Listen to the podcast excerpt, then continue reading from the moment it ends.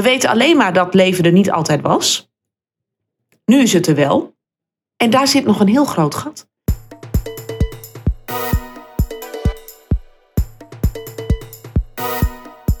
Esther Tolle schreef het boek Makers van Leven. En dat gaat, zoals al de titel eigenlijk al zegt, over de makers van leven. En dan niet over Frankenstein, maar echt op een ja, veel meer elementair niveau. Van hoe is ooit vanuit de oersoep die onze aarde ooit was, hoe is daar ooit leven ontstaan? Het is heel makkelijk om vanuit leven nieuw leven te maken, maar hoe maak je van iets niet levends wel iets levends? Nou, daar gaan we het over hebben. Uh, Esther studeerde scheikunde.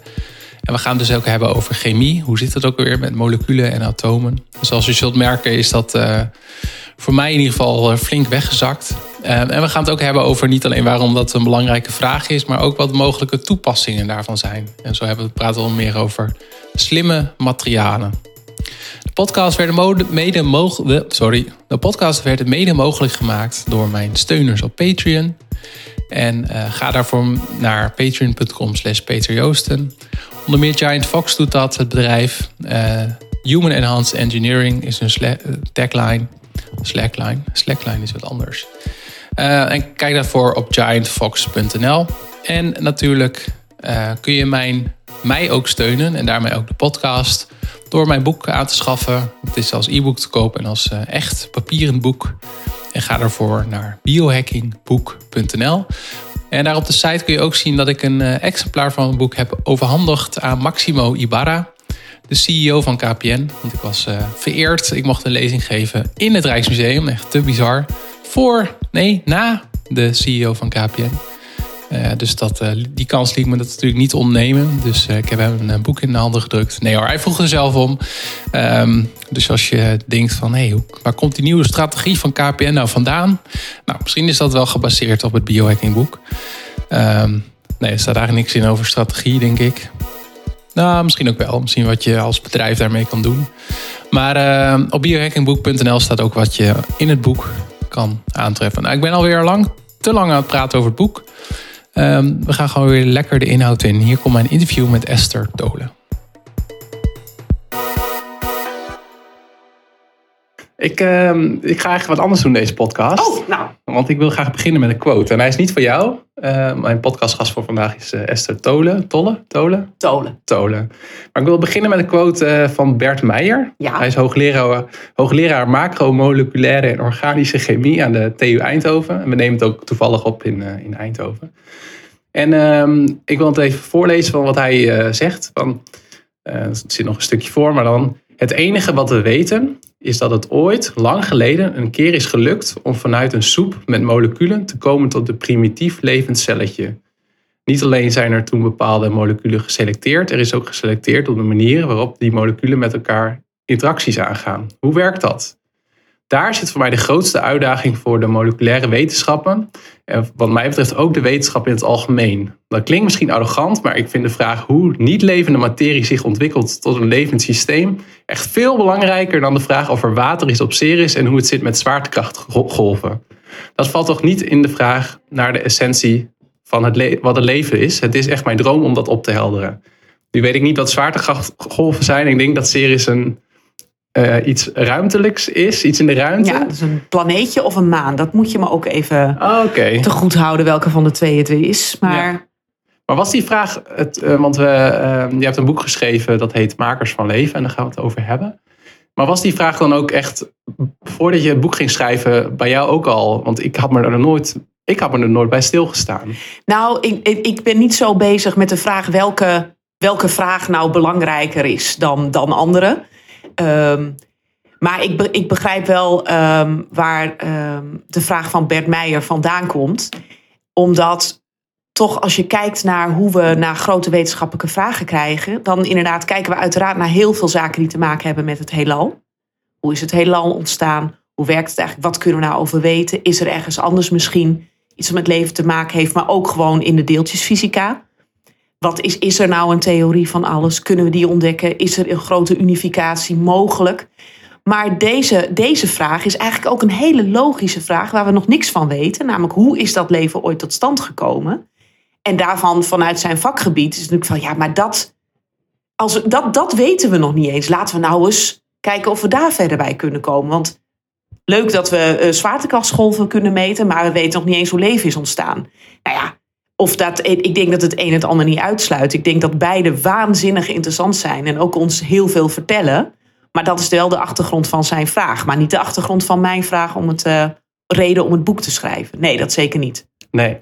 En uh, misschien nog een stapje terug. Uh, jij hebt scheikunde gestudeerd ja. in Groningen. In Groningen.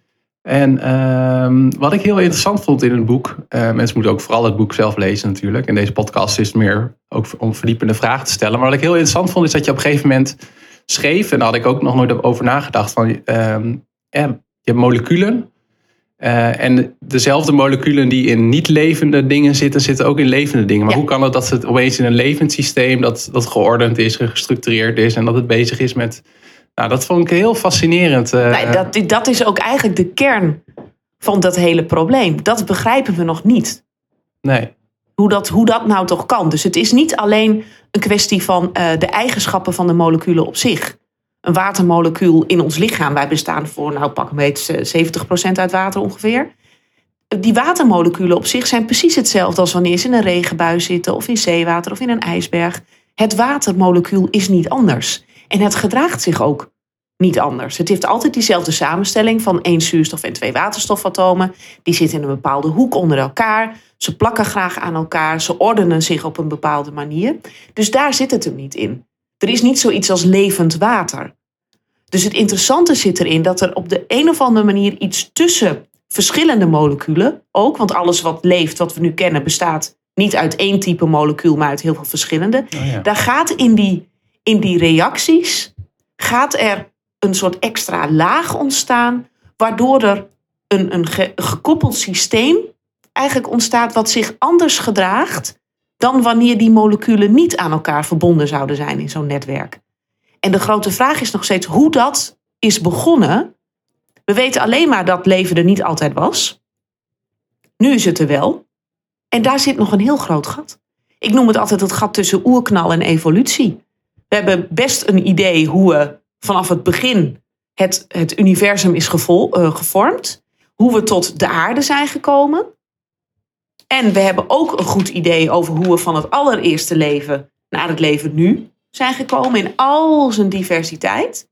Maar daartussen, hoe we dus van die aarde, waarop van alles al gebeurde en alle chemische elementen al aanwezig waren, en heel veel beweging was en temperatuurverschillen en er was straling. Dus er wa- waren energiebronnen en er was beweging, maar er leefde nog niks. Tot dat moment dat er wel iets leefde. Daar zit echt nog een enorm gat. Ja, ja. En je schrijft ook in het boek over de. Ik heb- had even de papiertjes erbij gepakt. De, het Miller-experiment. Dus ze hebben, in, als het Ja. goed is, in de jaren 60 wel aangetoond van als je bepaalde. Ja, iets eerder al in Oh, eh, eerder. 53. In 53. Ja, detail. detail, klein detail. Maar als je, als ik het goed herinner, in een laboratorium wel bepaalde de, de oersoep eh, simuleert. En laat wat bliksemschichten in, invallen, dat er wel aminozuren ontstaan. Mhm. die de bouwstenen zijn van leven. Is dat, heb ik het zo goed eh, onthouden? Ja. Dat heb je heel goed onthouden.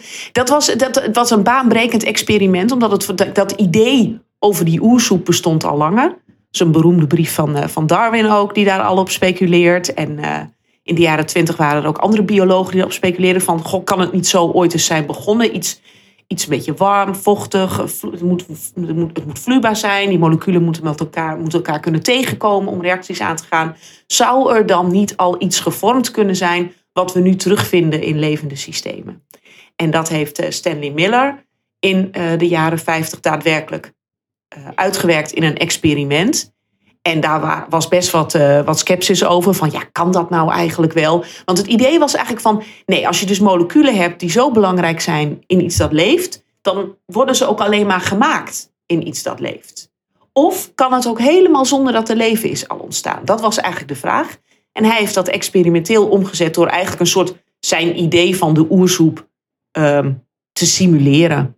Dat blijkt achteraf helemaal niet per se overeen te komen met hoe het er toen uitzag. Maar het principe heeft hij aangetoond. Uit hele eenvoudige moleculen, ook helemaal niet heel veel verschillende, in een hele eenvoudige setting, kan dus, eh, kunnen reacties optreden die leiden tot de vorming van moleculen die we nu in alles wat leeft terugvinden. Ja. Ja. En dat was niet zozeer dat daarmee is aangetoond van zo is leven ontstaan. Want je hebt dan nog steeds alleen maar losse moleculen. En die losse moleculen, die leven niet. Die moeten onderling iets gaan doen. Maar dat ze kunnen ontstaan, ja, dat was echt wel een baanbrekend resultaat. Ja, ja. En kun je, want ik heb eh, in de middelbare school redelijk snel mijn scheikunde laten vallen. Jammer, had je nooit moeten doen. had ik nooit moeten doen. En uh, als het nog iets goed maakt, ik heb wel tot, uh, tot de zesde natuurkunde gedaan. Gelukkig. Uh, dus er zit nog wel die zwaartekrachtgolven, dat, dat zou nog ergens moeten zitten, denk ik. Maar wat ik heel tof vind aan jouw boek is dat, dat ik het ook gewoon redelijk goed, of dat ik het goed kan begrijpen. Maar voor de mensen die luisteren en ook wel een beetje voor mezelf, kun je nog uitleggen, want je hebt in een cel Um, ja, zit, uh, zit DNA en ook andere, zitten moleculen en dat, weer atomen zitten daaronder. En uh, volgens mij heb je ook quarks en zo. Hoe, hoe kun je uitleggen hoe dat een beetje in elkaar zit? Nou, als ik het van quarks uit zou kunnen leggen tot leven, dan, dan, dan, dan hadden we misschien bijna de theorie van alles al te pakken. Maar dat, dat lijkt me wat ver gaan. Um, kijk, de, de, de fundamentele uh, deeltjesfysica beschrijft eigenlijk hoe de meest minimale of basale vormen van deel, die we dan deeltjes zijn gaan noemen, samen weer grotere structuren vormen. En dat we bijvoorbeeld tot atomen komen. En chemici beginnen eigenlijk bij atomen. En dan vooral atomen vormen samen weer moleculen. Oké, ja. Dus dat, is, dat is de verhouding. Ja, dus die waterstoffen die je zei, dat zijn dan... Uh... Dat, waterstoffen zijn, zijn atomen. Ja. Die kunnen ook samen een molecuul vormen. Als ze met z'n twee aan elkaar gaan, heb je waterstofgas. Oh, okay. Zoals we dat vooral kennen. Ja. En dat geldt bijvoorbeeld voor zuurstof hetzelfde. Zuurstof bestaat uit, het zuurstofmolecuul bestaat uit twee zuurstofatomen. Ja. Die zitten aan elkaar en dan heb je zuurstofgas. En zo kun je alles opbouwen. CO2 is weer één koolstof met twee zuurstoffen eraan. En dan heet het het koolstofdioxide gas. Ja. Dus dat is de verhouding eigenlijk. En um, we hebben, misschien ken je dat nog wel van scheikunde van de middelbare school, het periodiek systeem, Ja. de elementen. Ja. Nou, daar staan, daar staan ze allemaal in. Hoeveel zijn het er weer? Nou, dat zijn er geloof ik 92 die in de natuurlijke vorm eh, voorkomen. En inmiddels zijn we tot 118 die zijn gemaakt. Maar het zijn over het algemeen hele kortlevende, die onder hele bijzondere dan. omstandigheden op elkaar geschoten worden. En dan ook heel snel weer uiteenvallen. Maar ze kunnen dus heel even bestaan. Oh, oké, ja. Maar laten we, we kunnen wel aannemen dat het eerste leven, dat, is uit, die- dat had niet meer dan die 92. Ja, En het merendeel zullen de hele kleine, de, wat we de organische moleculen noemen, zijn geweest. Die, zullen het eerst, die zijn het relevantst voor het leven zoals we dat nu kennen. en organisch. Organisch betekent eigenlijk, als, als chemici het hebben over organische moleculen, dan bedoelen ze moleculen waar minimaal ehm, koolstof in zit en ook een waterstof. Minimaal één, maar meestal zijn het er veel meer. Ja, Dus koolwaterstoffen, dat zijn het eigenlijk. ja, En in eh, het alledaagse eh, taalgebruik, als mensen het hebben over organisch materiaal, dan bedoelen we eigenlijk dood materiaal. Iets wat ooit heeft geleefd, wat gestorven is, dus weer langzaam aan het vergaan is. Oh, dus dat is een beetje, zit daar wel eens wat spraakverwarring in. Ja, ja. En, ehm, ehm, en in een cel heb je dan, eh, dat bestaat dan weer uit. Ja, een cel is een ongelooflijk complexe verzameling van heel veel verschillende moleculen, sowieso heel veel moleculen en heel veel verschillende moleculen, die allemaal weer ehm, ook grotere structuren vormen. Dus het membraan, dus het, het, het, omhulsel van de cel, bestaat uit allemaal ehm, moleculen die weer aan elkaar plakken tot ze zo'n hele grote laag vormen. En in de cel heb je vooral ook heel veel eiwitten. Dat zijn ook enkele moleculen, maar het zijn wel hele grote moleculen. Dat zijn, kun je vergelijken met lange kralenkettingen die op een bepaalde manier gevouwen zitten, die allemaal functies uitvoeren. En in de cel heb je natuurlijk in de celkern dan, tenminste van ons soort cellen, ehm, heb je DNA. Nou, DNA is ook is één molecuul, maar ook een heel lang molecuul dat weer op een hele specifieke manier zit gevouwen. Dus je hebt een variatie van hele grote en hele kleine, maar ze hebben allemaal wel een functie. Ja, Dat kan zijn dat ze structuur geven, dat ze stevigheid geven. Ze werken als eh, transportmechanismen, ze vervoeren dingen, ze breken dingen af, bouwen dingen op, ehm, zorgen ervoor dat informatie wordt gekopieerd, dus dat het DNA wordt overgeschreven in een nieuwe, dat je een celdeling kunt krijgen. En dat is eigenlijk allemaal het werk van eiwitten. En daarom was dat experiment van Miller ook zo interessant, omdat eiwitten bestaan uit aminozuren. En daar begint het dus voor een heel groot deel mee. Dus toen hij kon aantonen dat die aminozuren al kunnen ontstaan zonder dat er leven is, krijg je natuurlijk de speculatie van oké, kunnen dan meerdere aminozuren misschien met elkaar iets groters gaan vormen. En wat al op een soort van begin van een eiwit is gaan lijken. Of is er eerst iets anders ontstaan en zijn toen die eiwitten gevormd? Dat weten we nog niet. Maar dat is wel waarom het fenomeen uh, aminozuren zo tot de verbeelding spreekt. En wat hij later, anderen hebben dat later ook laten zien, dat je onder vergelijkbare omstandigheden ook uh, de bouwstenen van DNA kunt maken. Niet dat er dan meteen DNA ontstaat, maar de elementen waar het molecuul uit bestaat, dat zijn eigenlijk ook vrij eenvoudige moleculen, klein, die kunnen wel al ontstaan. Dus dan krijg je een idee van, misschien is het gewoon dus inderdaad zo begonnen, ontstonden eerst die losse moleculen, die zijn misschien samen grotere structuren gaan vormen. En dat is op een moment iets geworden wat we ooit leven zijn gaan noemen. Ja. Maar hoe dat precies is gegaan, dat. Uh... Ja, ik moet zeggen dat ik het proces na de eerste cel of het eerste leven naar hoe wij nu zijn al heel wonderbaarlijk vind. Dat is het ook. Dan gaat ook, uh, wanneer was het? 14 miljard jaar geleden of zo dat de aarde ontstond. En, uh, nee, de, de aarde is nog niet zo oud. Oh, het heelal dan? Het heelal, ja. ja. De, de, de aarde, wat volgens mij, wat, wat we nu ongeveer zeggen, is dat zo'n pak een beet 5 miljard jaar geleden tot 4 ontstond de aarde in een dusdanige vorm dat de condities voor leven mogelijk werden. Ja, ja. Dus een beetje de aarde zoals we hem nu grofweg kennen. Ja. En um, nog een ander, dus dat is zeg maar de, um, dat is één lijn, die Miller-experimenten. Die andere ja. lijn die vind ik ook heel interessant, die je beschrijft, is eigenlijk uh, een van, uh, ik heb al meerdere podcasts ook opgenomen over genetica. En mm -hmm. een van de pioniers daarin is Greg Venter. Ja. En die heeft eigenlijk in 2010, als ik mijn jaartal nu, toch het eerste synthetische cel, of het synthetische DNA gemaakt. Ja. En waarom is dat ook een belangrijke ontwikkeling geweest? Nou, wat, wat uh, Greg Venter en velen met hen doen, is eigenlijk um, ook kijken naar wat is nou de oorsprong van leven. En dan niet zozeer in historische zin, van wanneer precies op aarde en waar, maar meer als van wat, wat heb je nou minimaal nodig om van leven te kunnen spreken. En hij gaat uh, van, eigenlijk van groot naar klein. Dus hij, hij probeert het heel erg te reduceren. Van hoe kun je nou Levens, heel veel levensvormen zijn heel complex. Maar kunnen we dat zo simpel mogelijk maken? Wat is de meest eenvoudige levensvorm die we kunnen maken? En um, de gedachte daarachter is, als je dat weet, dan heb je dus een idee van wat zijn nou de basale ingrediënten voor leven? En hij uh, benadert dat door te kijken van, hebben we nou hele eenvoudige levensvormen? En hij, zij hebben gekeken naar zijn groep naar hele uh, kleine, eenvoudige parasitaire uh, bacteriën. Dus die liften al lekker mee op het organisme in zijn leven. Dus zijn daardoor ook al eenvoudiger.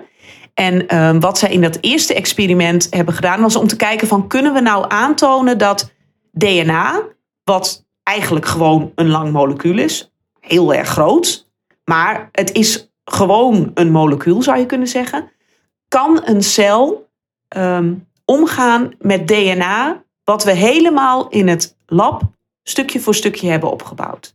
Of heb je toch een levende cel nodig die het DNA maakt om te zorgen dat een andere levende cel daar ook mee kan werken?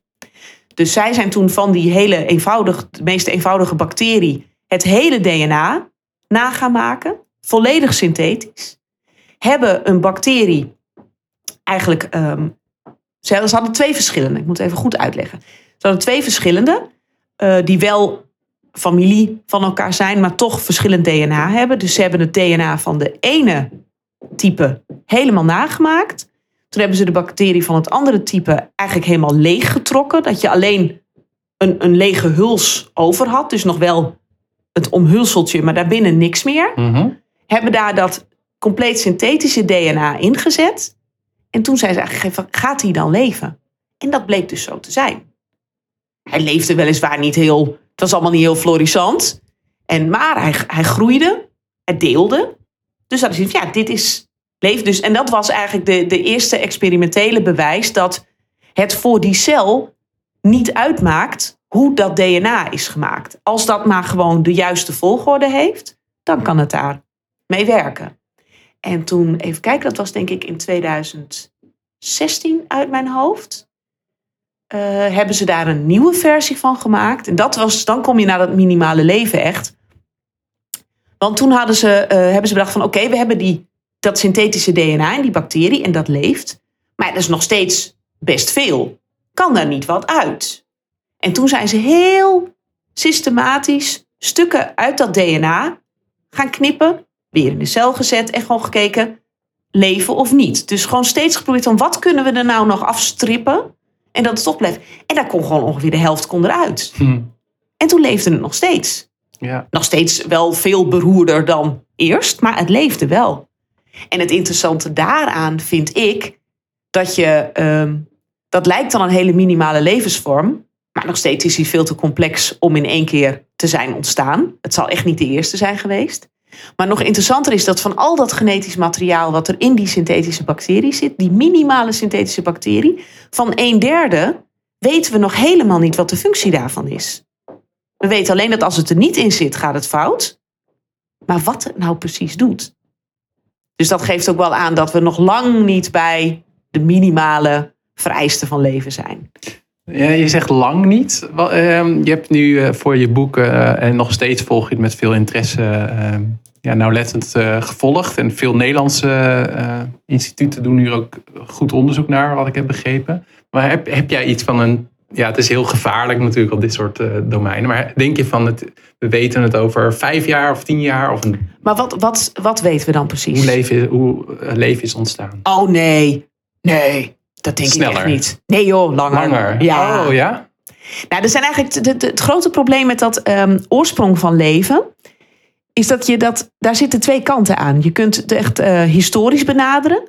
Dat je echt wil ontdekken van wanneer. Dat je een tijdspunt wil hebben in de geschiedenis van de aarde. En het liefst ook nog een plek. Oh ja, ja. En dan ook weet precies wat is er dan ontstaan. Nou, dat, dat gaat zeker niet binnen die termijn lukken. En, en de vraag is, het is zeer onwaarschijnlijk dat dat ooit gaat lukken. Omdat we niet weten waar we naar zoeken. Hmm. Niemand weet wat het allereerste leven was. Dus wanneer noem je het nou het allereerste Ja, leven? precies. Dus je kunt niet. Het is natuurlijk heel moeilijk zoeken naar iets waarvan je niks weet. Ja. Je weet ook niet of het sporen heeft nagelaten. En eh, de kans, eh, het, toen leven eenmaal is ontstaan, het leven heeft de planeet zo veranderd, die ziet er natuurlijk ook niet meer uit als dat hij er 4 miljard jaar geleden uitzag. ja. Dus die, die kans is gewoon echt heel, heel, heel erg klein. Daar komt nog bij, waar met name eh, chemici en natuurkundigen ook en andere natuurwetenschappers zijn heel experimenteel ingesteld. Dus het idee is natuurlijk ook altijd van je kunt wel een theorie hebben of een hypothese, maar je moet er wel experimenteel kunnen toetsen. Ja, dat ontstaan van het allereerste leven, hoe moeten we dat toetsen? De aarde is niet meer zoals die was.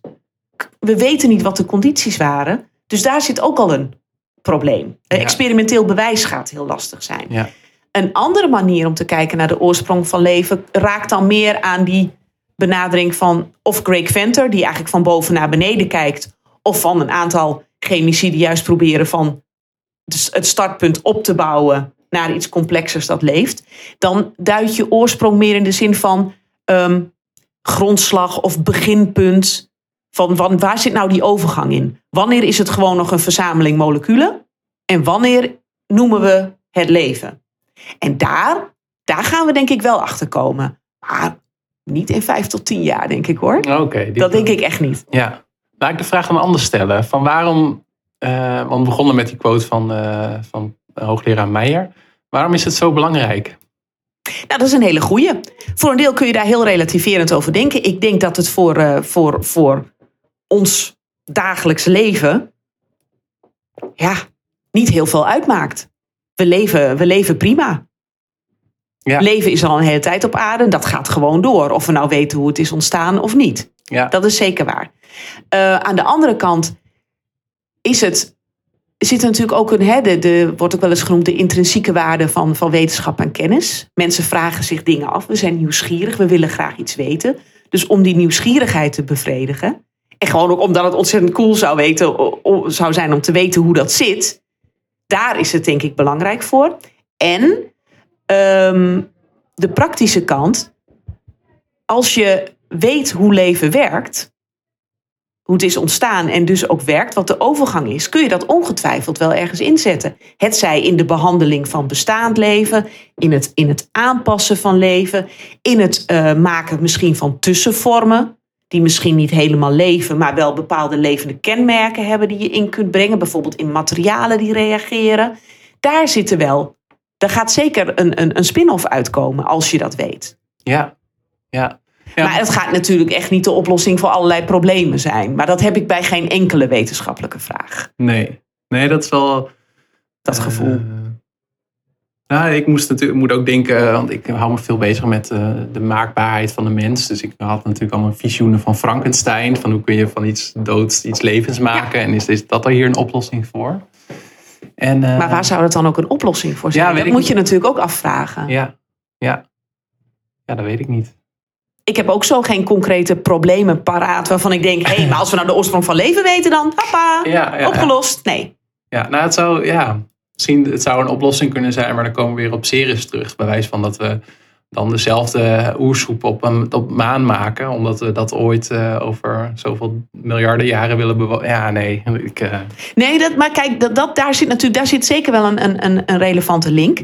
Als je uh, weet hoe leven uh, kan ontstaan of wat je daarvoor nodig hebt. Dan hebben we het wel nadrukkelijk over ons soort leven.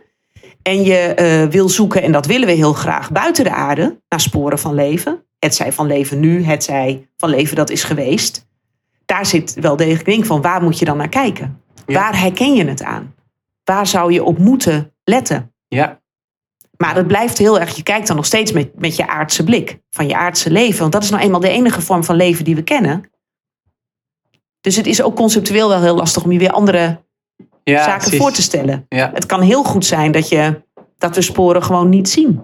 Ja, maar het is wel zo toch dat uh, in de ruimte heb je ook uh, atomen en moleculen. Ja. Dus die, die basis is wel hetzelfde. Oh ja. En, en dat dat bij ons eh, op leven op die manier is ontstaan door die verbindingen, dat, dat is dat is, dat is hier gebeurd, maar er is geen enkele reden om aan te nemen dat dat niet ergens anders ook is gebeurd. Ja. ja. Nee, er zijn uh, inmiddels genoeg uh, organische moleculen inderdaad in de interstellaire ruimte aangetoond. Maar RGV, die, die chemie is niet uniek. Nee. Het is niet zo dat die moleculen alleen op aarde gevormd kunnen worden. Nee hoor, nee. dat kan ergens anders ook wel. Ja. Dat blijkt maar weer. En dat weten we ook van uh, meteorieten die op aarde zijn gekomen. Dat zit chockvol allerlei organische verbindingen. Verbindingen die wij, die hier ook ontstaan en die, die wij ook gewoon in ons lichaam hebben. Ja. Dus daar, daar zit het unieke niet in. Dus dat, dat is, dat is dat, de, die, die chemie van, van de vorming van bepaalde moleculen, dat is absoluut niet iets exclusief voor de aarde. Nee hoor. Nee. En nog, een, uh, nog even terug in de tijd. Waar ontstond jouw fascinatie voor scheikunde en chemie? En waarom besloot je, was er een moment aan te wijzen of een, had je een hele goede docent op de middelbare school dat je dacht? Ik had wel klassiek inderdaad, de klassieke motivatie, een hele leuke, twee hele leuke scheikundedocenten. En uh, ik vond natuurwetenschappen en techniek vond ik altijd al leuk. En, maar heel veel andere dingen. Ik vond geschiedenis ook heel leuk en ik vond de talen ook heel leuk. Dus dat, dat was het niet per se.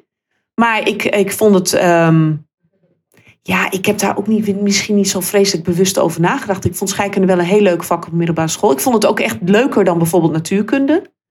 Um, maar dat ik iets in die, in die natuurwetenschappelijke hoek wilde doen. Of in ieder geval daaraan wilde beginnen. En dan kijken van nou, ik ben benieuwd of het lukt. Dat had ik ook wel een beetje. Nou, ik, ik zie het wel. En toen is het scheikunde geworden. Ja. Maar het had ook best andersom kunnen zijn. Als stel dat ik nou bijvoorbeeld mijn scheikundedocenten niet leuk vond. En de natuurkundedocenten heel geweldig waren. Dat ik dan misschien dat toch was gaan doen. Dus het Ja. was niet zo'n hele...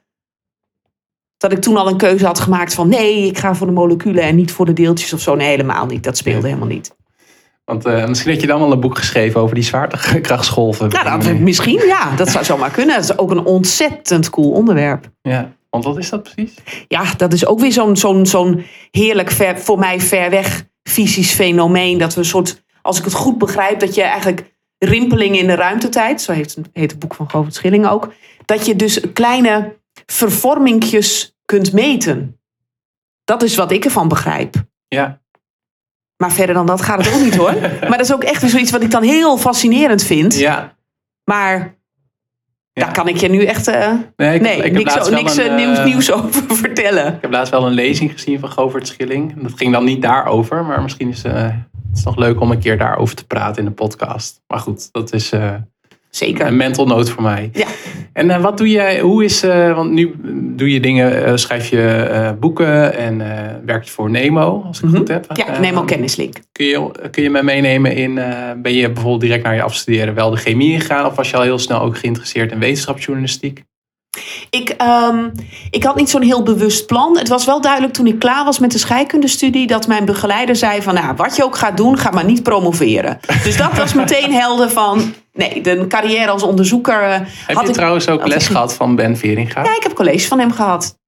Ja. Ja. Want voor de mensen die hem niet kennen, die heeft de eh, Nobelprijs Ja, gewonnen voor Nobelprijs scheikunde. eh, voor de scheikunde in 2016. Ja, Dus dat was natuurlijk groot nieuws. Eindelijk Ja. weer eens een Nederlandse Nobelprijswinnaar. ja, En dan ook nog in de chemie. Ja, daar word ik dan natuurlijk heel blij van. ja. Ehm, en hij, hij was inderdaad, hij gaf de colleges organische chemie 1 in, in mijn eerste jaar in, in Groningen. Hmm, ja. Ja. Ik heb hem als eh, docent gehad. En is het, ehm, eh, ik bedoel, ik eh, ken Ben Veringa niet.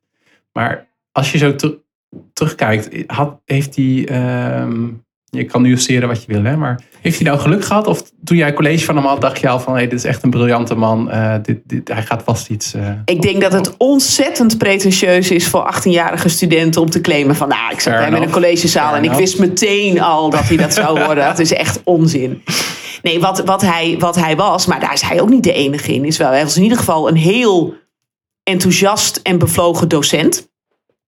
Dus dat, dat is het eerste wat je natuurlijk meemaakt Ja. als je gaat studeren. En er zit een groot verschil in. Er staan daar hoogleraren voor de collegezaal dat je denkt, nou die staan hier echt tegen heug en meug te staan omdat het moet. En anderen die echt heel erg graag willen vertellen over hun vakgebied en jou daarin mee willen nemen. En Veringa is absoluut een voorbeeld van dat laatste. Maar ehm, nee, tijdens de studie was ik daar ook helemaal niet zo van op de hoogte van wie is nou vreselijk goed. Het was ook, zijn vakgebied was ook absoluut niet het mijne. Dat, ik vond dat ook, en dat vind ik nog steeds heel erg lastig. Ik heb geen aangeboren talent om te denken van... hé, hey, zo zit dat molecuul in elkaar en die kan dus dat. Dat was voor mij, vond ik echt heel complex. Ik begreep meer van de, van de biochemie... en van het kijken naar structuren van eiwitten... en het programmeren van je apparaten... zodat je daar weer nieuwe metingen mee kon doen. Dat lag mij, eh, dat lag mij veel meer. Maar om op dat moment al in te zien van... hé, hey, wat deze of die hoogleraar doet, dat is eh, baanbrekend... nee. Nee. nee, dat snap ik. Ja. Nee, maar als je dan gaandeweg. eh toen ik ook meer ging schrijven, en dan ga je dat veld volgen. Dan weet je natuurlijk wel van ja, wat, wat hij doet. is wel heel toonaangevend. En is heel creatief en is heel nieuw. Maar er zijn heel veel chemici die hele baanbrekende, creatieve nieuwe dingen doen. Dus of je nou uiteindelijk daar die Nobelprijs voor krijgt, dat is ook voor een groot deel. Is ook gewoon natuurlijk geluk. Ja. Dus het is, het is terecht. Maar het is niet zo dat alle chemici die de Nobelprijs niet krijgen, dus geen goed werk leveren. Ja. Zo werkt het natuurlijk niet. Nee. Maar wat hij heeft gedaan, ja, ik vind het, ik vind het fascinerende chemie. Ja, je beschrijft, ik had het eerder ook over, hadden in het voorgesprek ook eh, even over, in een eh, interview die ik met Martijn van Kanthout had Ja. over eh, nanotechnologie. Maar ik, in het boek eh, ehm, beschrijf je dat ook wel mooi, hoe ze daar eigenlijk per toeval achter kwamen. En ook de vergelijking die je, als het goed is, als ik me goed herinner, maakt van, het gaat dan wel om een, een nano deeltje dat rijdt, maar het is alsof je op zandkorrels rijdt, als het goed is. Was dat een beetje jouw vergelijking? Nee, dat, dat is inderdaad, dat is niet, niet het korreltje. Dat is een experiment wat ze hadden gedaan om te zien dat die, dat die draaiing Oh ja. van die moleculaire motoren een groter object in beweging kan stellen. En dan zou je het kunnen vergelijken met. Dat is eigenlijk een analogie die ik uit een artikel in New Scientist had. Alsof, alsof als je een één zandkorrel gaat draaien, dat die dan mensen in beweging zet, bijvoorbeeld. Oh ja. Dus dat ging eigenlijk was, probeerde ik eigenlijk uit te leggen wat het verschil in grootte was. Ja, Dus dat je een effect over lengteschalen heen krijgt. En, dat Oh, is, ja. en dat is wat in dat veld heel belangrijk is. Want je kunt op dat nanoniveau wel een effect genereren. Maar dat doe je vaak omdat je op een veel groter niveau ook een effect wil genereren. Ja. En daar zit nog een hele grote moeilijkheid van hoe vertalen we nou dat effect op moleculair niveau naar iets wat we in onze macroscopische wereld ook zien. Ja. Dat is nog niet zo eenvoudig. Nee, precies. Nee. Maar ik onderbrak je, eh, want ik uh, Nee, had dat, dat, over dat de- mag. We waren nog even bij jouw, eh, jouw stap van, eh, eh, naar de wetenschapsjournalistiek. Nee, dus, geen, eh, dus, dus inderdaad niet, niet het onderzoek in. En toen had ik een beetje, had ik echt, ik had helemaal geen plan. En eh zoiets van, nou, we, we zien wel en eh, kijken wat er op een pad komt. En toen eh, ben ik ehm, onderwijsvoorlichter geworden bij mijn oude faculteit in Groningen. En dat, dat leek mij gewoon leuk om te doen. Dat, dat kwam op mijn pad. En daar ontdekte ik dat ik schrijven heel leuk vond. Ik moest veel schrijven in die baan, dat vond ik leuk. Ehm, toen heb ik nog even gewerkt bij een biotechbedrijf, Farming. Destijds bekend vanwege stier Herman. De werelds eerste genetisch gemanipuleerde stier. Hmm. Ehm, daar heb ik eh, een communicatiebaan gehad. En toen al vrij snel, op dat moment ging het toen heel slecht met farming. Ging een surseance, bijna iedereen werd ontslagen. En dat eh, was voor mij een mooi moment om te denken van nou, ik ga het nu gewoon zelfstandig proberen. Als, eh, als tekstschrijver, journalist. En dan, en dan zien we wel weer. Ja, Nou, en dat is inmiddels bijna 17 jaar geleden. ja. En En- is eh, echt, na, of, echt nano. Makers van Leven, dat is je eerste boek of wel? Ja, dat is mijn eerste echte publieksboek wat gewoon in de boekhandel te koop is. Dus ja, dat is Ja. mijn eerste echte boek. Ja. En eh, eh, hoe is het idee voor het schrijven van het boek ontstaan? Daar ben ik voor gevraagd. Door, ehm, ik was net als redacteur bij Nemo Kennislink begonnen. En eh, Nemo Kennislink, wat ik altijd omschrijf als het, het Nemo voor volwassenen eigenlijk. Grote online wetenschapskrant. ehm, heeft een, een samenwerkingsverband met een groot Nederlands onderzoeksconsortium. Waar Bert Meijer, die jij eerder al noemde, de directeur van is. En ehm werd, had ze verschillende manieren bedacht van hoe kunnen we nou dit, dit, dit, nie- deze nieuwe chemie, want dat is eigenlijk wat centraal staat in het boek. En dat is aan de hand van levende systemen, van maar de chemie die niet alleen maar meer draait om het maken van een molecuul, maar om iets groters. Ehm, wat kunnen we zo al doen om daar eens wat meer over te vertellen richting het algemene publiek? En toen was een van de ideeën van, nou, het zou ook wel heel leuk zijn als daar een boek over is. Een populair wetenschappelijk boek wat toegankelijk is voor mensen buiten het veld.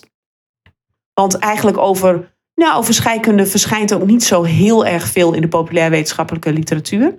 Dat vond ik zelf ook al. Dus ik liep al wel langer met een plan rond van het lijkt mij ontzettend leuk om ook eens, zoals heel veel wetenschapsjournalisten en journalisten in het algemeen, iedereen wil eigenlijk ook wel een boek schrijven. Nou, dat had ik ook. En toen kwam dit, eh, dit aanbod langs.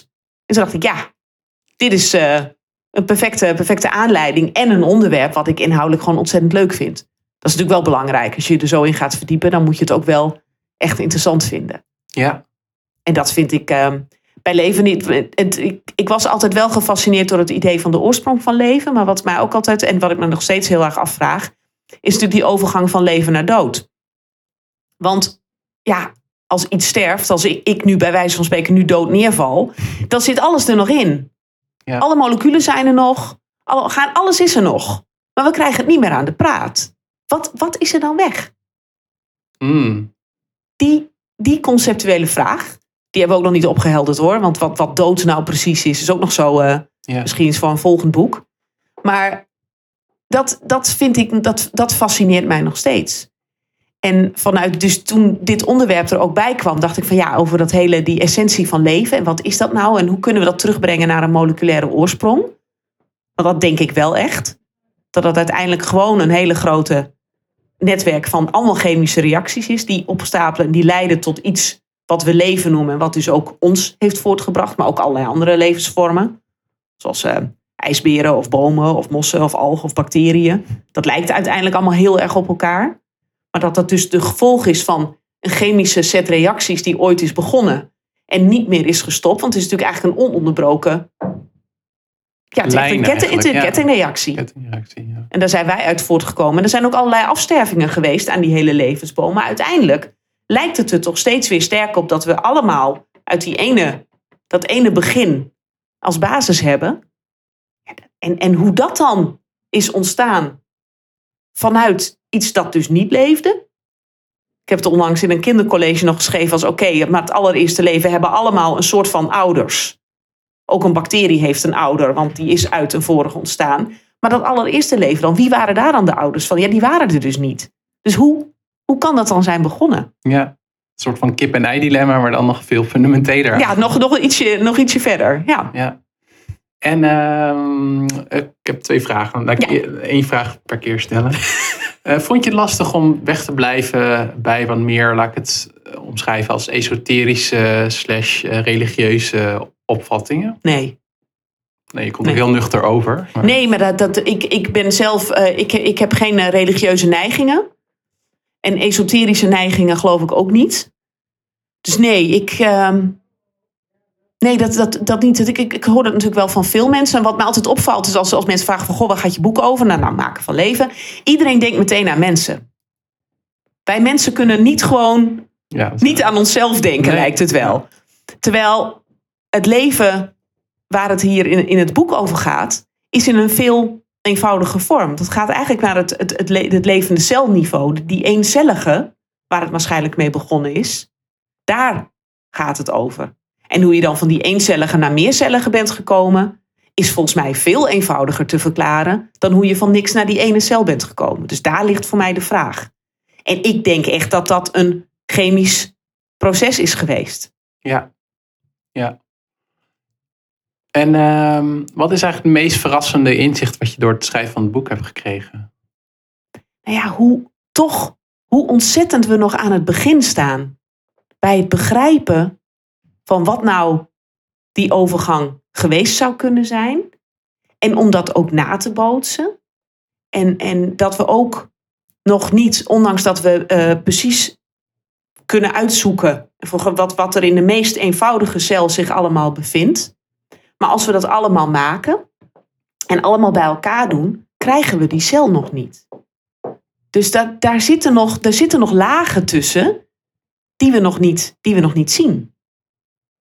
En dat, ik weet niet of ik van tevoren had gedacht, al dacht van, dat zullen we toch al wel weten. Maar dat is me wel heel erg bijgebleven. Dat we nog op een heel bazaal niveau heel weinig daarvan weten. Ja. En dat dat eigenlijk dus een gat is tussen velden waar we heel veel van weten, maar dat hier eigenlijk nog zo'n ja, zo'n soort blinde vlek zit. Ja. Eigenlijk tussen, tussen de natuurkunde en de biologie. Daar zit Mm. gewoon die vlek. Ja. Dat is nou, typisch een vlek voor de chemie om in te duiken. Ja. En dat gaat nu ook gebeuren. Dat is ook heel lang niet gebeurd. Chemici hielden zich nooit zo vreselijk bezig met, met leven. En helemaal niet met de oorsprong van leven.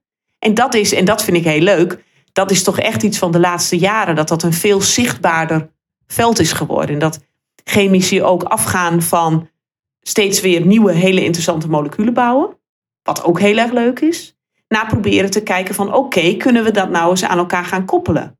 Kunnen we nou bijvoorbeeld verschillende reacties laten plaatsvinden in die ene reactiekolf? En dat ze elkaar bijvoorbeeld gaan stimuleren. Zoals het in, een, in het leven gaat. Een levende cel. Een levende cel is eigenlijk, wordt wel eens voorgesteld als een chemische fabriek. Maar dat is helemaal geen goede analogie. Want een chemische fabriek is erop gericht om van één product zoveel mogelijk te maken. Continu maar weer. Terwijl in een cel wordt aan de lopende band van alles geproduceerd, maar het wordt geproduceerd op het moment dat het nodig is. In die hoeveelheid en in die snelheid dan, en dan bouwt het ook weer af. En na een tijdje begint het weer. En het neemt weer af. Dus het zijn allemaal veel meer in, in kringlopen gedacht.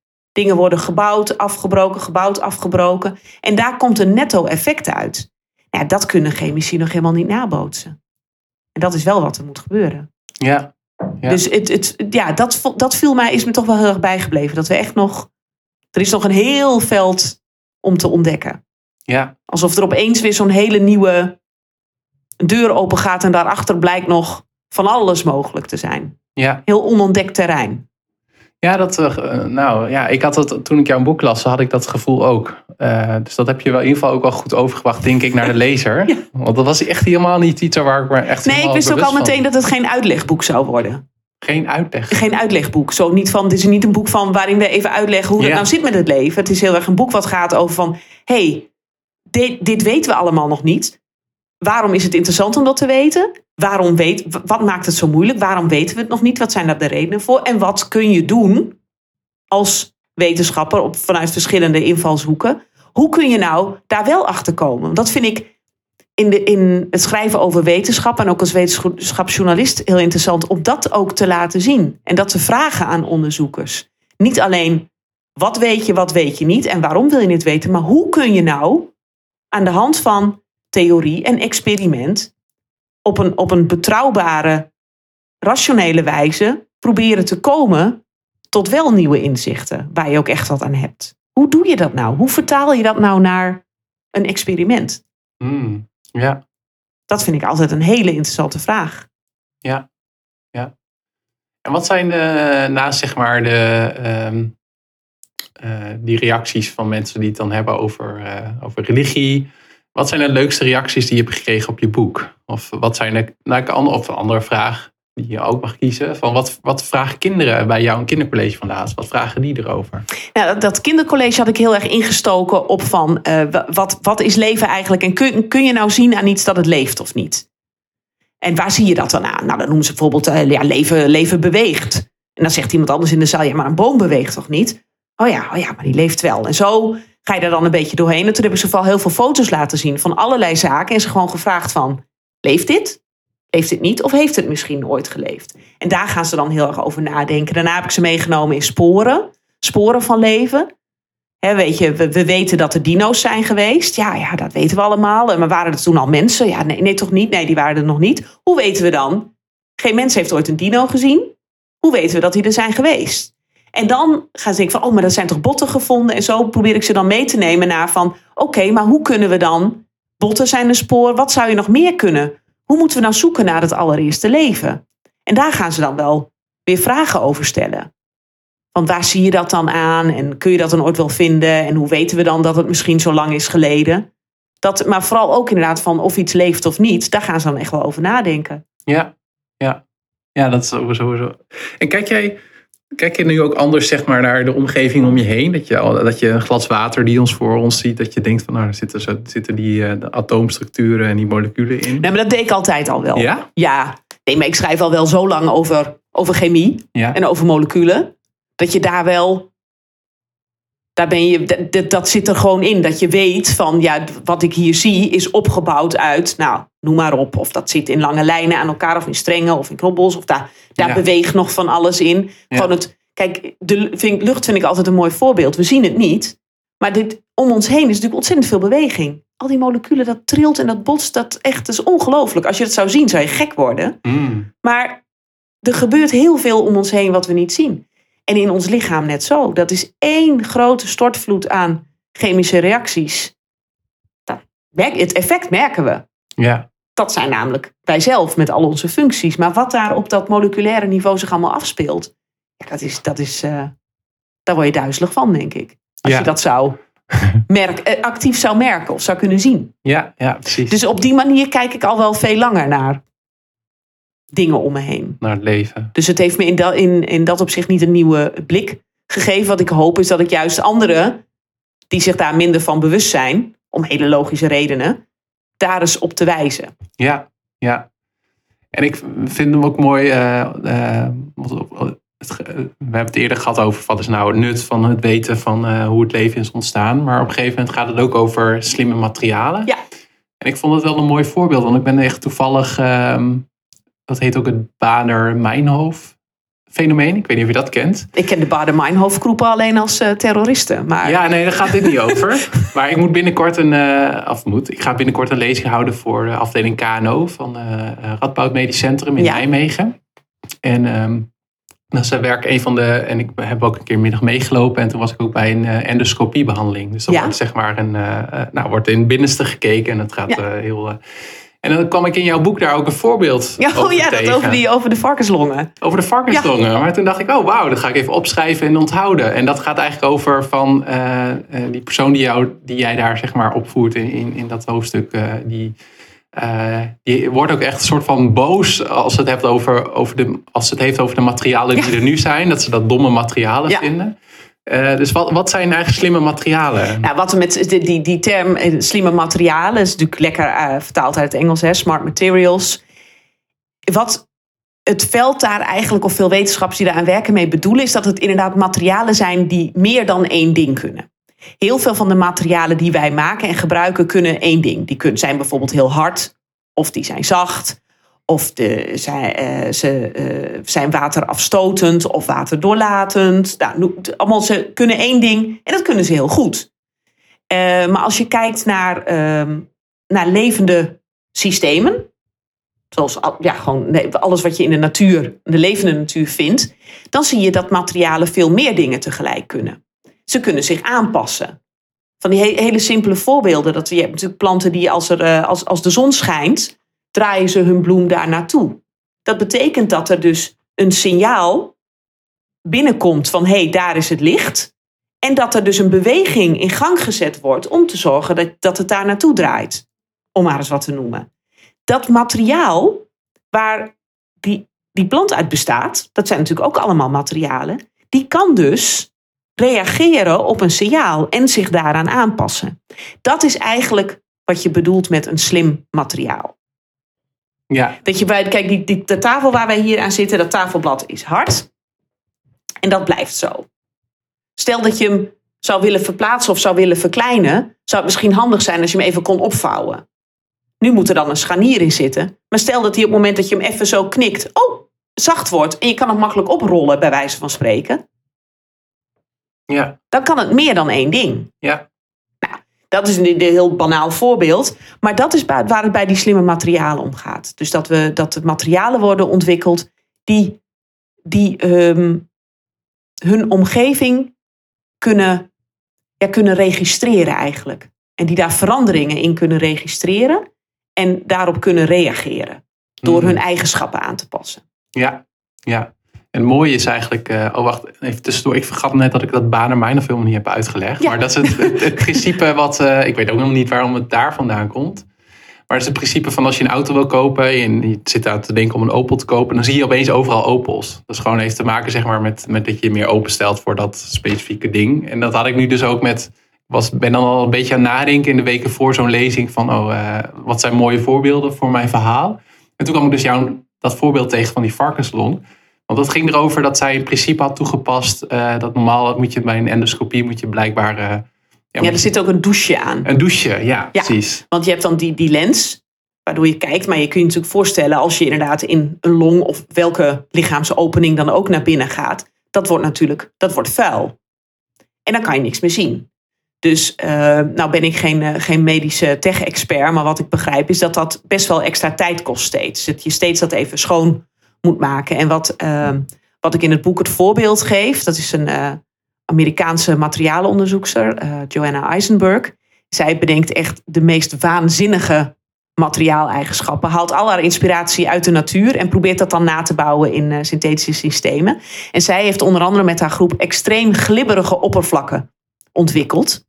En dat is een, een materiaal en zo'n laagje, die coating heeft zij op de lens van een endoscoop aangebracht. En dat filmpje wat ze liet zien op een symposium waar ik bij was, gaan ze ook varkenslongen in. En dat, daar kleeft gewoon bijna niks aan.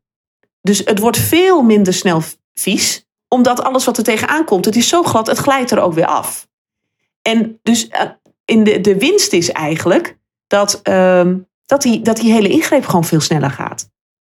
En nou kun je natuurlijk discussiëren van is dit nou een slim materiaal? Want dat materiaal is vooral heel glad. En dat is het. Maar zij heeft dat. Um, de inspiratie daarvoor ligt in een uh, vleesetende plant, een trechterbekerplant. Dat is, zo'n, dat is eigenlijk zo'n, zo'n, zo'n kelk. En dat, daar lopen mieren bijvoorbeeld over de rand. En dat is gewoon ruw. Dat, maar als het even gaat regenen of er komt vocht op, dan wordt dat extreem glad. En dan zie je ook op filmpjes, dat is heel gaaf, die mieren die glijden zo wap die kelk in. En die plant heeft eten. En zijn ze gaan kijken van wat doet die plant nou om te zorgen dat die zowel ruw als glad is. En kunnen we dat principe gebruiken om nieuwe synthetische materialen te maken. Dat is nog niet echt een materiaal in die zin wat reageert, maar, al wel, maar wat al wel op een hele andere manier glad is dan wij onze materialen glad maken. En zij kijkt nog veel verder naar allerlei voorbeelden van hoe gaat transport nou bijvoorbeeld in planten? Waarom rolt ergens stof af of water af? En kunnen we dat principe gebruiken om materialen te maken die bijvoorbeeld ook dingen doorgeven? Ja, ja. Ja, ik moet ook heel sterk denken aan, uh, volgens mij kwam dat ook in, al in het gesprek met Martijn uh, van Kantheid naar voren. Dat we vaak als we het hebben over eh, nanotechnologie, dat het ook vaak dan biologisch is, dat de biologie het vaak al heeft opgelost of heeft geregeld. En, Nou ja, eh, kijk, daar, daar begint het natuurlijk ook op nanoniveau. ja, Dat, dat- dat is ook moeilijker met dat begrip nano. Het is aan de ene kant natuurlijk een, gewoon een, een lengteschaal aanduiding. ja, En aan de andere kant is het dus ook zo'n heel begrip geworden. Waarbij je soms de indruk krijgt dat het iets heel nieuws is. Maar dat er fenomenen op nanoniveau zich afspelen. Ja, dat is altijd al zo geweest. ja, Dat is de basis inderdaad. En dat, dat zei eh, Martijn volgens mij ook in dat gesprek. Dat is de lengteschaal waarop je moleculen aantreft. En waar moleculaire interacties zich plaatsvinden. Is allemaal op dat nanoniveau. ja, Dus dat leidt soms wel tot wat spraakverwarring. Van hé, hey, is dat nou iets heel nieuws dat we dat met moleculen gaan doen? Nee, in, in de natuur gebeurt het natuurlijk al. Omdat alles zich op moleculair niveau, wat zich daar afspeelt, is nanoniveau. ja, Maar is het dan ook nanotechnologie? Ja, dat, dat is dan weer een interpretatiekwestie. ja, precies. Waarschijnlijk ook afhankelijk van welke onderzoeksbeurs je aan wil vragen. Is het wel of niet nanotechnologie? Ja. Dat speelt altijd mee. Hmm, ja. En eh, van slimme materialen naar supermaterialen. Ik lees de laatste tijd veel over grafeen. Zit jij daar? Nee, daar zit ik totaal niet zit in. het al niet in. Nee. Wat zijn de andere? eh, want ik moest nog ook even denken aan het begin van het gesprek dat je zei van we. Je hebt die 92 uit het eh, periodiek Periodiek systeem? systeem. En we hebben 108, 10? 110. bijna. 118. Oh, 118. en wat vind je nou... eh, ja, ik ben wel benieuwd van die, eh, van die nieuwe, zeg maar. Wat, eh, wat vind je de meest spannende of veelbelovende? Nou, daar, daar, daar gaan we niet iets mee doen.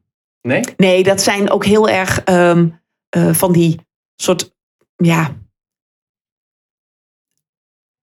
bewijzen dat, je, dat zoiets kan bestaan. Het is ook heel erg om aan te tonen van wat kan er nog meer en om dat, om dat veld te ontdekken. Het is niet zo, dat zijn geen elementen die je gewoon kunt gebruiken voor iets. Het zijn, ze leven extreem kort. Je hebt hele specifieke omstandigheden nodig om ze te kunnen maken. Dat is puur een, een kwestie om, de, om de, inderdaad meer de fundamentele kanten van materie nog verder te ontdekken.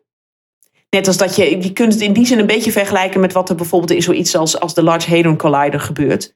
Je probeert een bepaald deeltje te vinden. Maar je gaat niet dat deeltje daar continu maken om ergens voor te gebruiken. Mm. Zo kun je die, die wat, zijn- dat heten dan de superzware elementen, ook zien. Het is ook om, om, om, om te begrijpen van wat kan er nou nog? Past dat nog? Kunnen we 118 protonen in één structuur krijgen of niet? Ja, Dat moet je meer zo zien. Dat heeft, eigenlijk, dat heeft niks te maken met een praktische toepassing voor materialen waar we iets aan gaan hebben. Ja. Het is ook veel verstandiger om juist de nieuwe materialen die we nodig hebben te maken met elementen die natuurlijk gewoon voorhanden zijn. ja, En niet te gaan zoeken naar hele bijzondere, vaak giftige, zware metalen. Maar probeer dat nou gewoon te maken uit koolstof en zuurstof. en super zwaar betekent omdat dat een heleboel verbindingen zijn. Super zwaar betekent gewoon dat het een hele, heel groot atoom is. Ah, En hoe groter het atoom, hoe zwaarder. ja. Zo'n één atoom weegt natuurlijk nog steeds niks in onze dagelijkse realiteit. Mhm. Maar dat is wat dat periodiek systeem laat zien. Het begint eigenlijk met het kleinste atoom, dat is waterstof. Naar, dat is nummer 1. Mhm. En inmiddels dan nu naar 118. Ah, op die manier. Ze worden Ja. steeds zwaarder. Steeds zwaarder, ja. En ehm dat is natuurlijk wel een reden. Misschien zijn die eh, 100, eh, nummer 93 en 94 wel ooit een keer per toeval ontstaan in de Nee, natuur. dat lijkt me Oh. niet. Het is niet gelukt. Nee, nee. Nee, dat denk ik niet, omdat.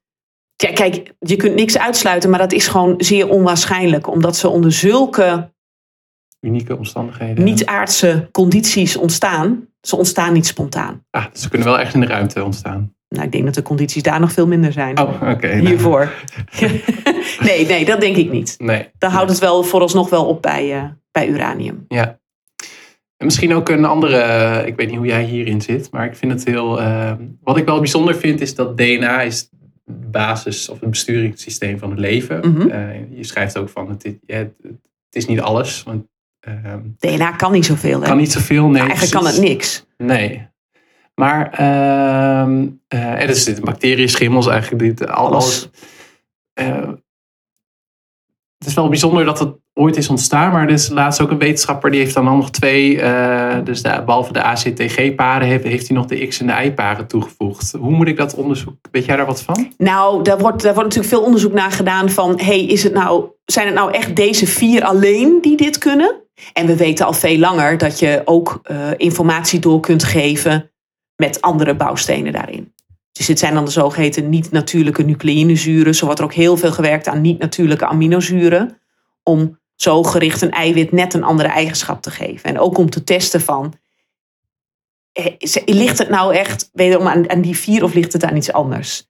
Ik, dat, het, dat het deze zijn geworden, is meer ook een selectiekwestie geweest. En de theorie is toch vooral dat de, de, de moleculen die we nu steeds terugvinden in leven, steeds maar weer, die is dus heel belangrijk, die werden waarschijnlijk destijds gewoon het makkelijkst gevormd. Waren daar dus meer van. En als je dan je eigen vorming kunt stimuleren, dan win je het van degene die minder snel ontstaan. Ja.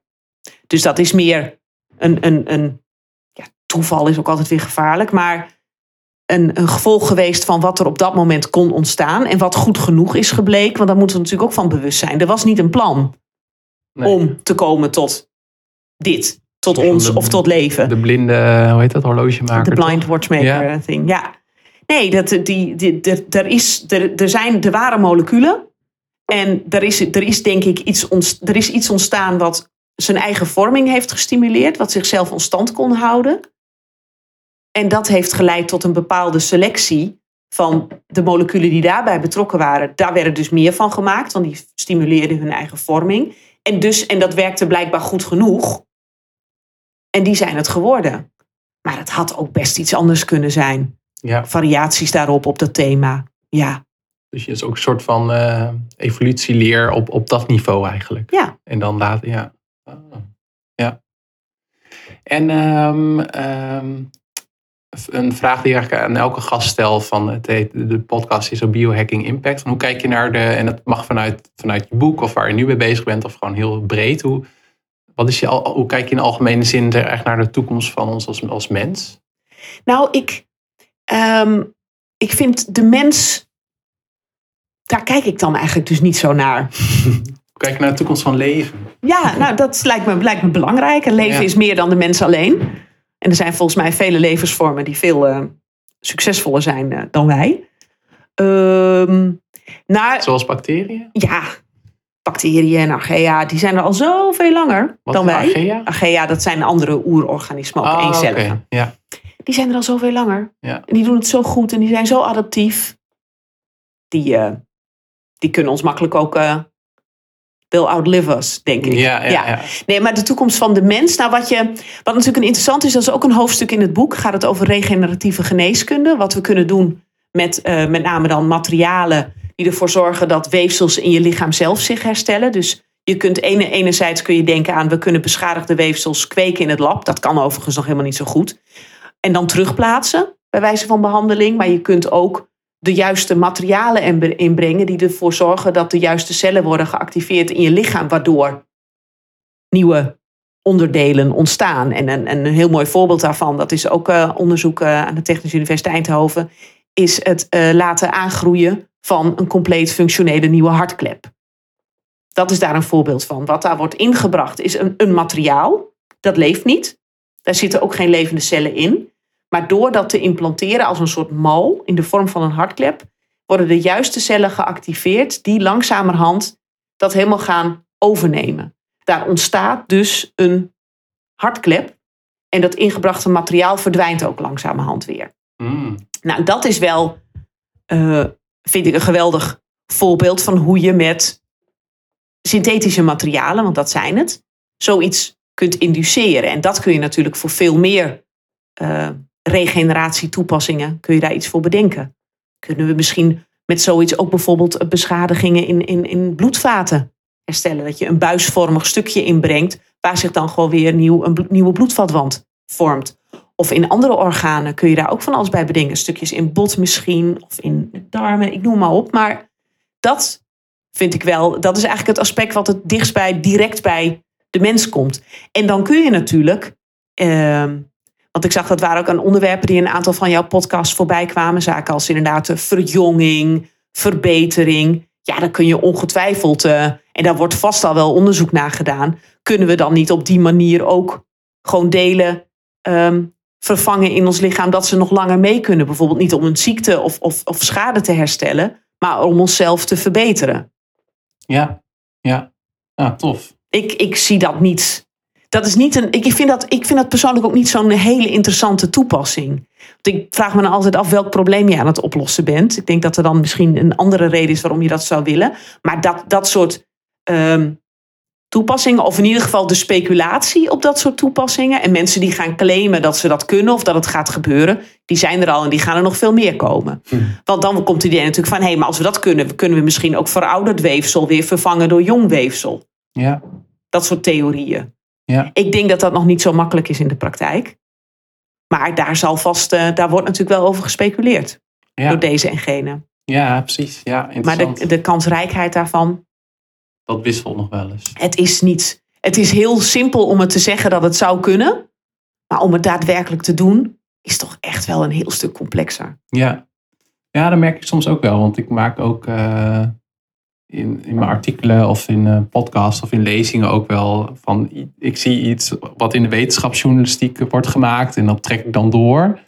Eh, en waarvan daarvan denk ik inderdaad soms van... Het zal in de praktijk nog wel wat tegenvallen. Maar ik denk aan de andere kant dat er ook wel dingen sneller gaan die jij verwacht. Is dat ook wel eens bij jou gebeurd? Dat, dat, dat je een beetje bent verrast eigenlijk door een... of zeg je van het is meestal de andere kant? Dat er Het heel is veel meestal de andere kant. veel wordt geroepen, maar weinig. eh, Ja. hmm. En wat soms ook heel erg zonde is, want daardoor kan een veld ten onrechte een beetje in het verdomhoekje komen te staan. Dan wordt iets met een grote, grote eh, belofte gelanceerd. Ja. En dan blijkt het in de praktijk, eigenlijk als je logisch nadenkt, natuurlijk, natuurlijk is het veel ingewikkelder. En dan komt het dus niet zo snel als mensen verwachten. En dan heb je de conclusie, ach, het werkt ook niet. Maar ook dat... Het is natuurlijk ook heel lastig en dat is dus ook vervelend, maar wetenschap kost ook gewoon tijd. En dat is toch voor, hoe verder je daarvan afstaat, hoe moeilijker het is om dat soms te zien. Dat het van, van een idee naar iets dat je gewoon kunt gebruiken, daar zit gewoon, on- dat vraagt ontzettend Ja. veel tijd. Zeker als het gaat over vragen waar we nog geen idee van hebben. Want het is niet een kwestie van, dat hoor je wel eens van, nou daar heeft de wetenschap nog niks op gevonden. Alsof het gewoon maar te vinden is. Er zijn heel veel problemen waarvan je je kunt, ach, het is helemaal niet duidelijk of we daar een oplossing voor gaan vinden. En of we wel de goede vraag stellen. Dus je kunt niet, het, wetenschap is ook geen oplossingenmachine. Het is niet van, oh ik heb een probleem, klik, klik, nou de oplossing. Nee, zo gaat het niet. ja, Het gaat om, om vragen stellen over compleet nieuwe zaken. En waarvan het nog maar inderdaad de vraag is hoe ver je daarmee kunt komen en op welke termijn. En vaker is het dat je dingen op een gegeven moment bij elkaar komen opeens. Dat er verschillende lijnen zijn uit compleet ogenschijnlijk ongerelateerde velden. Die dan om wat voor reden dan ook met elkaar in contact komen. En dan samen opeens zie je dan weer een sprong. Hmm, ja. Dus het komt vaak niet vanuit de individuele domeinen, maar vanuit de Nee, het combinatie. komt er vaak inderdaad uit de combinatie. En uit de toevalligheden en uit de, de mislukkingen, waardoor iets heel anders opduikt. Maar de kunst is dus dat je mensen moet hebben die een mislukking niet per se zo zien. Die niet denken van, oh, dit is niet wat ik had verwacht, dus ik kijk er niet meer naar. Maar die denken van, hé, hey, dit is anders dan ik had verwacht. Ik ga toch eens even uitzoeken wat hier nou eigenlijk is gebeurd in mijn experiment. Ja, En dan kom je natuurlijk tot, kun je tot onverwachte zaken komen. ja. Ja, dat... Oh, ja. Maar of we nou, of we dit inderdaad, ik, ja, grootschalige toepassing bij mensen. Ik zie, ik zie het belang van dit veld. Het idee van levende systemen maken. Ehm, veel meer in ehm, de industriële productie, de chemische productie. Dat we veel meer nog ehm, stoffen gaan produceren op een manier zoals levende cellen dat doen. Bij veel mildere condities. Nu heb je vaak in de chemische industrie hoge temperaturen nodig, soms hoge druk kost veel energie. Je hebt er ehm, oplosmiddelen bijvoorbeeld bij nodig, die we daarna heel moeilijk kunnen verwerken tot iets wat niet slecht is voor het milieu. Ehm, eh, katalysatoren die eh, metalen bevatten waar we of moeilijk aan kunnen komen, of die giftig zijn of zeldzaam. Noem het allemaal maar op, alles om die reacties mogelijk te maken. Terwijl een levende cel, ja, die werkt eigenlijk in water, dus een waterige omgeving, bij gewoon een beetje milde temperatuur. En die, die, kan van alles produceren. En dat gebruiken we nu natuurlijk al veel in de industrie. We gebruiken al allerlei bacteriën en schimmels om allerlei stoffen te maken. Ingrediënten voor geneesmiddelen bijvoorbeeld, voeding. Maar als je dat dus verder kunt uh, uitbreiden, dat repertoire van wat je kunt maken, doordat je weet hoe je een cel in elkaar moet zetten, of dat je een soort van hybride vorm kunt maken, dat je dus een bestaande levende cel uitbreidt met een extra compartimentje, waardoor die ook een niet-natuurlijk proces toch gewoon kan doen. En daar worden ook al echt wel stappen in gezet. Dan is het dus niet direct iets wat ons in de mens raakt, maar wat onze leefomgeving natuurlijk wel enorm, enorme impact kan hebben. Als we daarmee de productie van de spullen die we nodig hebben veel uh, milieuvriendelijker kunnen doen en veel energiezuiniger, dan denk ik dat we daar allemaal ontzettend veel aan hebben. Dus daar zie ik echt een wel hele grote mogelijkheden wat dit veld uh, gaat leveren. Ja. En natuurlijk die materialen die meer kunnen. Als je materialen hebt die goed kunnen reageren op wat nodig is, die uh, zelfhelend zijn bijvoorbeeld. Ik noem het voorbeeld vaak, maar als je naar je huid kijkt daar zit een, en er komt een schaafwondje in, dat groeit gewoon weer dicht. Maar als je fietsband lek is, gebeurt dat niet.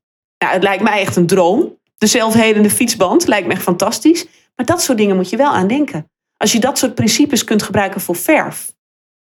Alles wat de gebouwde omgeving, hoeveel coatingslagen zitten daar wel niet op? Nou, die gaan op een gegeven moment kapot. Ontstaat er schade, moet het hersteld worden. Als zich dat nou zelf kan herstellen. En dan zal het niet eeuwig meegaan. Maar als op een gegeven moment zoveel schade dreigt op te lopen. En het gaat bijvoorbeeld van kleur veranderen, waardoor je weet: hé, hey, die verflaag is nog goed, maar niet lang meer. En het brokkelt dan helemaal uit zichzelf af naar compleet herbruikbare ingrediënten. Lijkt mij een enorme innovatie. Waar we heel veel aan gaan hebben. Ja. En allemaal veel kansrijker dan onszelf verbouwen tot iets veel beters, denk ik. Hmm, ja. En los van die toepassingen die je net zei, wat is er is een bepaald uh, domein of uh, wetenschappelijk gebied wat je nu met veel interesse volgt? Of is dat wel in lijn met. Uh, dat is zeker in lijn met dit. Ik vind het, het, het proberen te creëren van iets met levende kenmerken of een levend systeem heel leuk. De zoektocht naar de oorsprong van leven. Ook vanuit een, dat kom je heel snel bij, bij de geowetenschappen terecht. Vind ik ook waanzinnig interessant.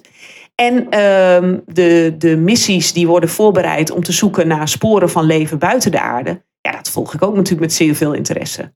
Ja. Ik ben niet alleen geïnteresseerd in het leven op aarde in die zin. Nee. Nee.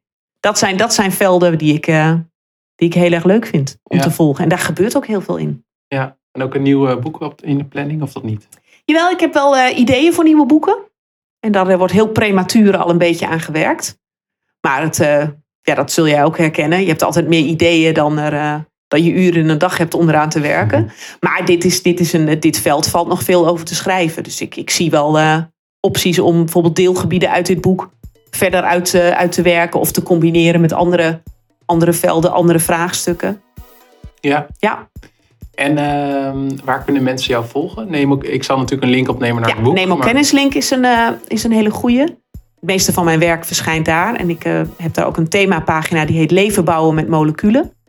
En daar eh, probeer ik van alles te publiceren wat ook maar enigszins te maken heeft met het maken van levende systemen, het begrijpen van levende systemen, het imiteren van levende systemen. Dus dat gaat van onderzoek naar echt de oorsprong van leven tot aan slimme materialen, tot aan eh, netwerken, regeneratieve geneeskunde en van alles daartussenin.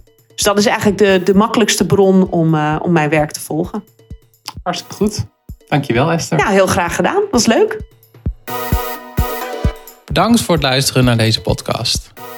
Mijn vraag aan jou voor deze keer is: welk mysterie, en dat mag een wetenschappelijk mysterie zijn, zoals hoe is het leven ontstaan, maar het mag ook een ander mysterie zijn.